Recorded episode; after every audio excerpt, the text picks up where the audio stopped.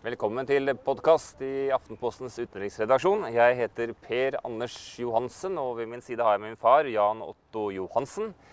Vi er på fisketur ved Moskva-elven, og på den andre siden av elven så ser vi rett over til hjernen i det russiske og det tidligere sovjetiske krigsapparatet, det russiske forsvarsdepartementet. Og temaet for denne podkasten er sikkerhetspolitikk og det russiske forsvaret. Først eh, dette med fisking. Eh, I sovjettiden så var jo russerne veldig glade i å fiske i nærheten av norske militæranlegg. Ja, alle russere og østeuropeere som var allierte med Moskva den gangen, de likte primært å fiske. De behøvde ikke noe oppfordring til det, men de fisket jo veldig mye i elver og vann som lå nær militære flyplasser og anlegg, f.eks. i Vannsjø. Men Vannsjø var jo ikke russernes område, det var jo polakkene ifølge den store strategiske planen som skulle gå opp gjennom beltene og sikre utseilingen fra Østersjøen, erobre en del av Danmark, kanskje litt av Sverige. Eh, så polakkene hadde ansvaret for Vannsjø og Rygge. Men russerne stolte ikke på dem, så de gjorde det i tillegg. Og det var typisk eh, Moskva og de som satt her inne i departementet, for ikke å si de som satt i sentralkomiteen på Litbyrå, de stolte jo ikke på noen av østeuropeerne. Jeg husker godt din største fangst i Drøbaksundet. Det var jo en uh, sovjetisk lyttebøye som noen uh, smartinger hadde prøvd å plassere der. Ja, og Eller peilebøye, var det? den var slett ikke plassert der. Den hadde drevet inn fra, ute fra sjøen fra havet. Og den overga vi til myndighetene. Fikk låne den senere da jeg hadde en svær utstilling som het eh, Sovjetflåtens eh, økning, eller vekst og fall. Og veldig mye besøkt av folk. Eh, og da kom det plutselig to svære busser, folkevognbusser fra den russiske ambassaden. Og alle skulle inn og se på dem. Ingen betalte inngangsavgifter, så museumsdirektøren var forbannet. Og så plutselig ser de jeg komme opp fra sjøen, fra min båt, jeg hadde trukket garn, eh, med skikkelige skinnluer og merke til sovjetflåten. Da skal jeg si de fikk fart på seg. Alle ble jaga inn i bilen og reiste av sted. Hvis vi skrur tiden tilbake på 60-tallet og 70-tallet, når vi bodde her, så var Sovjetunionen en uh, militær supermakt. De var en militær supermakt, for det å være supermakt ble definert som at du hadde atomvåpen, langdistansevåpen, som kunne utslette motstanderen fullstendig. Og du hadde kortdistanse atomvåpen, som var viktig i Europa i forbindelse med Natos opprustning den gangen som svar på et sovjetisk utspill. Så hadde du taktisk atomvåpen.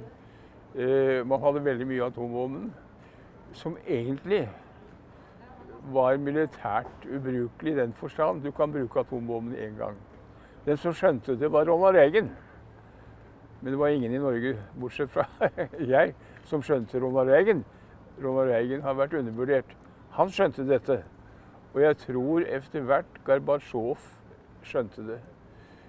Så eh, det var veldig viktig at de fikk stukket hull på dem uten Men, under, men under den kalde krigen så sto det store militærstyrker på grensen av Sovjetunionen og i Øst-Europa som uh, utgjorde en stor reell militær trussel for, uh, for, oss i vest. Ja, altså Warszawapakten Hvis du regner med da alle de sentrale østeuropeiske landene, uh, som var jo tvilsomme allierte for russerne Hvis du regner med de, så var de militært overlegne.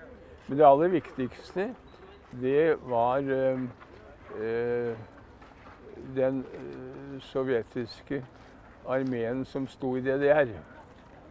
Den var topp utrustet. Den hadde de aller beste våpen. Og det Nato fryktet, var jo at de skulle kunne gå vestover til kanalen på noen dager. Eh, Nato hadde ikke så mye konvensjonelt å sette opp. og Den gang ville Nato være de første som måtte gripe til taktiske atomvåpen, kanskje mellomdistansevåpen. I dag er det omvendt. I dag er russerne underlegne. Og vil eventuelt være de første som ville bruke taktiske eh, og regionale atomvåpen. Men noe av det som, eh, det som, av det som skremmer eh, vestlige militærplanleggere, er vel at russerne i så stor grad øver og legger inn som en del av sine øvelsesmenter at de på et eller annet tidspunkt vil kunne bruke taktiske atomvåpen. Ja, men Det er nettopp fordi de vet at de er konvensjonelt sterke. Eh, vi er jo blitt skremt av Krim, men Krim var et isolert tilfelle. Og det de har gjort i Ukraina, det er også relativt isolert. Noe helt annet ville være et generaloppgjør med konvensjonelle styrker mellom hele Nato og USA på den ene siden og eh, Russland på den andre siden. Og da hadde ikke Russland noen flere allierte. Det ville være en, en helt ny og totalt annerledes situasjon. Og det er derfor russerne øver på atombomben, Kanskje i større grad enn vi gjør i dag. Men da Sovjetunionen brøt sammen, så falt også en av verdens største militærmakter eh, fra hverandre. Og eh, de var også akkurat i ferd med å avrunde sin siste krig som en del av Sovjetunionen, nemlig krigen i Afghanistan. Eh, hva viste den om det sovjetiske militæret? Den viste at de hadde veldig gode kommandostyrker. Og det var ikke eh, noen kritikk som kunne rettes mot russere som soldater. Men det var jo en umulig krig. Fordi det var i et landskap hvor geriljaen alltid ville ha overtak. Men eh, det vi lærte den gangen, eller det vi oppdaget senere, da var, og da er vi i perioden fra Gorbatsjov til Jeltsin, da brøt hele det sovjetiske militærapparatet sammen. Da Vestarmeen i DDR ble sendt hjem, så hadde de ikke engang bygninger, eh, hus til dem. Det var jo forfalne uh, garnisonsbygg de flyttet inn i. Selv om tyskerne, vesttyskerne hadde betalt dem enorme summer som skulle være nettopp til det. Nei, det var et sammenbrudd som ennå ikke har gått opp for vestlige journalister og øh, vestlig opinion. Det var veldig lite igjen. Det var noen få steder, f.eks. Leningrad militærdistrikt. Øh, det ble opprettholdt. Og det var jo interessant for finnene og for oss. Men ellers var det et totalt sammenbrudd. Og når de i dag bygger tingene opp igjen, og det gjør de, moderniserer og satser mye, så er det russiske forsvarsbudsjett fortsatt bare noen prosent av det amerikanske. Noen sier 12% andre sier 2% men det er i hvert fall bare noen prosent av det amerikanske, for ikke å si det amerikanske, og de Nato-landene til sammen. Så Russland har veldig mye å ta igjen. Når vi står her og prøver å fange fisk ved Moskva-elven, så hører jeg de starter opp et helikopter her på andre siden, så nå blir det kanskje bråk. Vi får se hva vi gjør når de flyr av gårde. Dette er et vanskelig sted å fiske. Det er ikke et ideelt fiskested vi har funnet her. Nei, og kanskje noen av de mest mistenksomme ville eh, trodd eller mistenkt oss for å ha andre hensikter enn fiske ved at vi fisket akkurat der. Men det gjorde vi fordi det var interessant med å gjøre opptak der. Også. Der kan vi sette i gang igjen. Dette helikopteret lagde jo et voldsomt bråk. Jeg må si at denne lyden av helikopter den gir meg en, en ubehag. Det er en lyden av eh, død og fordervelse, enten du er ved fronten av Ukraina eller, eh, eller, andre steder. Men la oss ta et tilbakeblikk på Russlands eh, kriger etter Sovjetunionens fall. Og den første store krigen var krigen, den første krigen i Tsjetsjenia. Den var komplett mislykket fordi Jeltsins folk og Jeltsin selv tror jeg ikke skjønte hva det egentlig var for noe.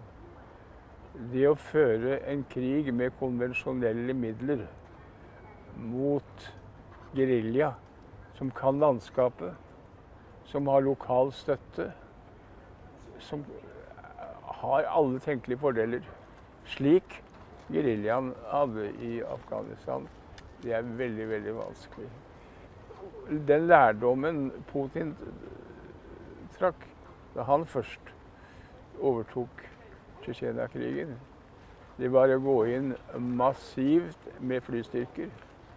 Bombe Gråsen i sønder og sammen.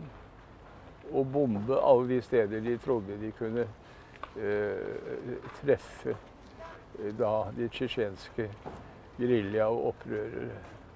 Men selv det var jo vanskelig. Men det var jo en mer effektiv krig enn den som eh, Jeltsin forsøkte å føre. Og i dag har jo russerne, eller skal vi si deres håndlangere, Kadyrov og den gjengen der, de har jo stort sett kontrollen. Eh, men hele området med Ingusjetia og Tsjetsjenia og hele dette området er jo utsatt. For det er jo der mange av veteranene fra Afghanistan kom. Og det er der IS er innblandet. Det er et sårt punkt, og der går vi tilbake i russisk historie. Det må vi gjøre. Det var et soft underbelly helt tilbake i tsartiden. Og den gang, tenkte jeg det, Afghanistan var ikke underlagt av eh, tsaristiske forsvarsdepartement, men politidepartementet i St. Petersburg. Senest her i går så skjøt jo en eh, føderal dommer i Dagestan. Og det kommer jo daglig, eh, ukentlige meldinger om, eh, om militære operasjoner, eh, skuddvekslinger.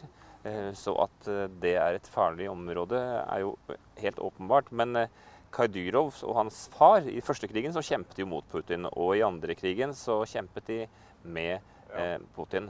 Men mange russere har ikke glemt det at de var med på, å, på den første krigen. Og det ligger jo som et uh, lite sår her i Moskva, hvor du ser tsjetsjenere overalt. På hvert uh, gatehjørne. Der hvor vi bor, er det jo mange tsjetsjenere. Ja, og Putin, han er ikke dum. Han stoler jo ikke helt og fullt på Kadyrov og den Botox Cosmetic, out of botulinum toxin A, FDA approved for over 20 years. So, talk to your specialist to see if Botox Cosmetic is right for you. For full prescribing information, including boxed warning, visit BotoxCosmetic.com or call 877-351-0300. Remember to ask for Botox Cosmetic by name. To see for yourself and learn more, visit BotoxCosmetic.com. That's BotoxCosmetic.com.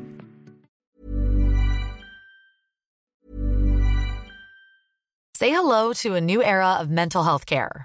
Cerebral is here to help you achieve your mental wellness goals with professional therapy and medication management support. 100% online. You'll experience the all new Cerebral Way, an innovative approach to mental wellness designed around you. You'll get a personalized treatment plan from a therapist, prescriber, or both in a safe and judgment free space. Your cerebral therapist or prescriber will outline a customized plan with clear milestones along the way so you can get to feeling your best. With Cerebral, you're not alone in your mental health journey. We're here to empower you to live a fulfilling life.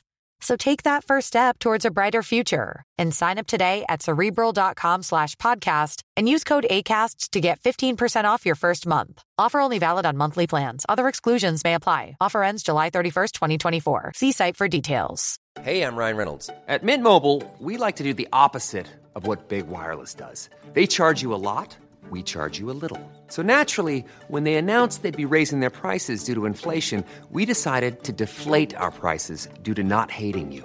That's right. We're cutting the price of Mint Unlimited from $30 a month to just $15 a month. Give it a try at mintmobile.com slash switch. $45 upfront for three months plus taxes and fees. Promote for new customers for limited time. Unlimited more than 40 gigabytes per month. Slows. Full terms at mintmobile.com. Han vet at de kan vende seg en gang til. Så derfor har nok Putin og russerne tatt sine øh, forholdsregler. Den neste eh, krigen var jo krigen i, krigen i, i Georgia. Vi snakker om flere kriger. og hva, hva, slags ansikt øh, viste det russiske militæret der? Krigen i Georgia ble fremstilt etter mitt skjønn helt urealistisk i store deler av vestlige media. Og det var fordi særlig britene og amerikanerne ville ha Georgia inn i Nato. Og de håset opp den georgiske presidenten, som var jo et produkt av amerikansk eh, college og universitet. Og en, eh, virkelig en uh, drøm som svigersønn for amerikanske kvinner. Eh, han var på mange måter en bløffmaker. Ja, nå er han guvernør av alle steder i Odessa, tenk det. Denne krigen hadde sin bakgrunn i at russerne hadde infiltrert, hadde kontrollen over Nord-Ossetia, og hele området ved eh, Batumi og alt der. Det var to områder eh, som russerne hadde kontroll over. Det den georgiske president feilberegnet, det var at han ved en overraskelse kunne tette hullet i Kaukasusfjellet og stoppe russerne. Det var det som var hele drømmen og poenget. Og han ville da sørge for å uh, få russerne ut av Nord-Ossetia. Det klarte de ikke. Nei, og det ble jo egentlig, eh, Men selve krigen for russerne selv var jo også et sjokk. fordi at de demonstrerte jo der at eh, det var mye som fungerte veldig dårlig i det russiske krigsapparatet. Ja, På den ene side så skjønte jo vestmaktene etter hvert at Georgia var en farlig alliert, eventuelt i Nato. Så Frankrike og Tyskland sa absolutt nei, og flertallet på Bucuresti-møtet sa nei. Og det var slutt. Og Georgia kommer ikke inn i EU så lenge i hvert fall jeg lever. Eh, nei, altså det andre, som heller ikke mange i vest fikk med seg, var at det fullstendig fjernet myten om den sovjetiske armeens effektivitet. Tro det eller ikke, hele det militære interkom brøt sammen. Så de russiske stridsvognkommandørene og de som hadde eh, artilleriet, altså alle ute i felt, de kommuniserte på en kommersiell eh, telefon. Altså de Sånn som vi ringer privat hjemme. Og det ble jo avlyttet selvfølgelig av absolutt alle. Og I et normalt land så ville det vært en skandale når man vet hvor mye ja, men, penger Putin hadde brukt på det militære. da i løpet Ja, men Ikke bare det, men russerne skjøt ned flere av sine egne fly enn georgierne klarte. Men hele Georgia var et sammensurium. For der var amerikanerne involvert. Men amerikanerne ville ikke ha noen krig, og de ville ikke bli trukket inn. Israelerne var der. Og som en bisetning, forholdet mellom Israel og Kreml har ikke vært så godt siden 49, 48-49 som i dag. Israelerne leverte jo da eh, alle, begge sider, både russerne og georgerne, det mest avanserte utstyr som også kunne brukes militært. Sånn er verden i dag. Men så er det da Ukraina-krigen som fortsatt uh, pågår, eh, og jo, som jo har iallfall preger nesten alt jeg jobber med som korrespondent i Moskva i dag. Jeg må jo også innrømme at jeg var jo faktisk når jeg var og besøkte Donetsk i 2014, eller besøkte, jeg arbeidet jo der i to uker, at jeg bestemte meg for at jeg kanskje ville søke på den jobben. Ikke minst fordi at jeg forsto at mye av det vi opplevde og lærte den gangen jeg bodde i Russland, faktisk spiller seg ut i østlige Ukraina. Nå, er ikke meningen at vi skal bruke denne podkasten og snakke om hele Ukraina-konfliktens bakgrunn, men vi har jo lært en del om russisk moderne krigføring i Ukraina som vi ikke visste før. Jo, altså det vi lærte i Ukraina, det var at de har nå kan beherske begrensede operasjoner. Slik de gikk inn og tok Krim. Og de kan gå inn når det er på vippet, som det var, hvor da omsider de ukrainske regjeringsstyrker hadde fått konsolidert seg, og eh, dissidentene, eller opprørerne, eller hva man skal kalle dem, var på defensiven. Da kom jo også russerne inn med stridsvogner, artilleri og det hele. Men det aller viktigste var at russerne hadde spesialavdelinger som kunne gjøre det de gjorde på Krim, og som de gjorde mange steder i Ukraina. Og det er jo det Nato har fryktet, og som ligger til grunn for Natos såkalte innsatsstyrker. Men der pleier jeg å sammenligne med, fordi jeg er jo både fisker og gartner. Jeg driver jo krig mot eh, brunsnegler. Og det er nesten umulig. Brunsneglene de er mange, akkurat som russerne. Og så har du tigersneglene, som dreper brunsnegler. Det er Natos innsatsstyrker. Men de er for få de er for trege og for langsomme til at de klarer å gjøre noe virkelig. Sånn er det. Så jeg har ikke så veldig stor tro på de innsatsstyrkene. Men det betyr ikke at jeg tror at russerne vil sette i gang noe eventyr. For de er jo ikke idioter, de som sitter i, eh, på den andre sida i Forsvarsdepartementet eller på toppen eh, borti presidentpalasset. Hvis de var idioter, hvis vi trodde det, så kunne vi like godt bakke sammen. Altså Når jeg treffer russere i Moskva i dag og har den eh, obligatoriske Ukraina-krangelen, Ja. og den kommer nesten alltid Ja.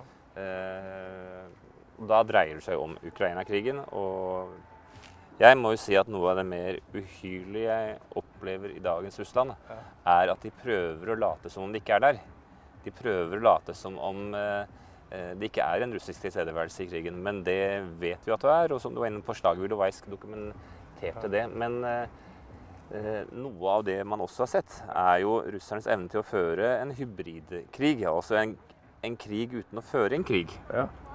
Og dette er jo en eh, viktig egenskap i dagens eh, skal vi si, sikkerhetspolitiske Ja, og, og jeg mener den har følgende konsekvens, som jeg i alle år kritiserte den norske forsvarsledelse for. Og en serie av forsvarsministre. En av dem opptrådte jo alltid i bunad. Eh, At de trappet ned Forsvaret i Nord-Norge. For mitt poeng er at hvis du skaper et vakuum, så vil et vakuum bli fylt opp på en eller annen måte før eller senere. Og det har ikke noe med at naboen er mer aggressiv enn som så. Et vakuum blir alltid fylt opp. Og hvis man ikke skjønner det, så har man skjønt veldig lite, og så får man en uhyggelig overraskelse en dag. Og så da den siste krigen, krigen i Syria. En par ord om det. Putin har jo, har jo betegnet det her som verdens beste militærøvelse. Som en fantastisk evne å vise fram eh, sin, eh, sin nye moderne hær. Og eh, resultatene for russerne eh, fra et skal vi si, ja, militært ståsted har jo vært, eh, vært veldig gode, sett med deres øyne. Ja, men du må se det i en større sammenheng. I Syria så spiller, satser russere og amerikanere på samme hest. Og nå, som på mange måter det ser ut til at de gamle erkefiender, virkelig gamle erkefiender, eh, Tyrkia og Russland, nærmer seg hverandre. Og Erdogan er jo en stor spiller, eh, som delvis eh, eh, Putin er. Så får du da en helt ny virkelighet som eh, resten av Europa og Midtøsten kanskje skal få problemer med å fordøye og skjønne betydningen av. Midt oppi dette her, Erdogan er jo en eh, farlig fyr. Han er helt hemningsløs. Men forholdet mellom Israel og Tyrkia blir også mye bedre nå. Og da får vi en helt uberegnelig situasjon. For da er det ikke lenger snakk om med Erdogan som Putins venn, som de ble jo kalt hverandre venner da han var her, at Nato har en sikker sydflanke. Den kan vi bare glemme. Men det siste spørsmålet før vi avrunder denne fisketuren. Eh, Hvor engstelige skal vi være på hva de finner på her på andre siden av elva i det russiske forsvarsdepartementet? Eh, Er du bekymret for en eh, krig? Mitt inntrykk er at hjemme i Norge er det faktisk mange som eh, etter de siste års opplevelser og Putins uforutsigbarhet nå er redde for krig. Ja, det man kan være redd for, det er at det skjer en konflikt, en militær konflikt, en krig pga. misforståelser og gale vurderinger. Det er jo masse kriger som, er, eh, som har begynt uten at det har vært helt gjennomtenkt og planlagt. Eh, Det kan jeg være litt eh, bekymret for. Jeg kan være litt bekymret for at man i Østersjøen kan bli for raske på avtrekkeren. Som eh, den episoden som er blitt dysset ned mellom eh, en russisk ubåt og et polsk marinefartøy. Det kunne endt med en katastrofe. Eh, og begge sider må jo være forsiktige i et område hvor det er så mye militær aktivitet. slik at det stiller store krav til kjølighet, ro på alle sider. Og så kan det komme inn andre partner. Vi vet jo ikke hvordan provokatører kan opptre. Provokatører kan komme fra alle krefter. Eh, mange ser seg tjent med en konflikt. De vil ikke ha en diplomatisk fredelig utvikling. Men jeg er overbevist om at eh, både Putins Moskva og det Washington vi har hatt hittil Jeg vil ikke spekulere om en viss ny presidentmulighet. Eh, da får du inn usikkerhetsmomenter. Eh, det vi får håpe på, det er at ingen side, og ikke russerne, begynner å finne på slik de gjorde da de plasserte atomraketter på Cuba.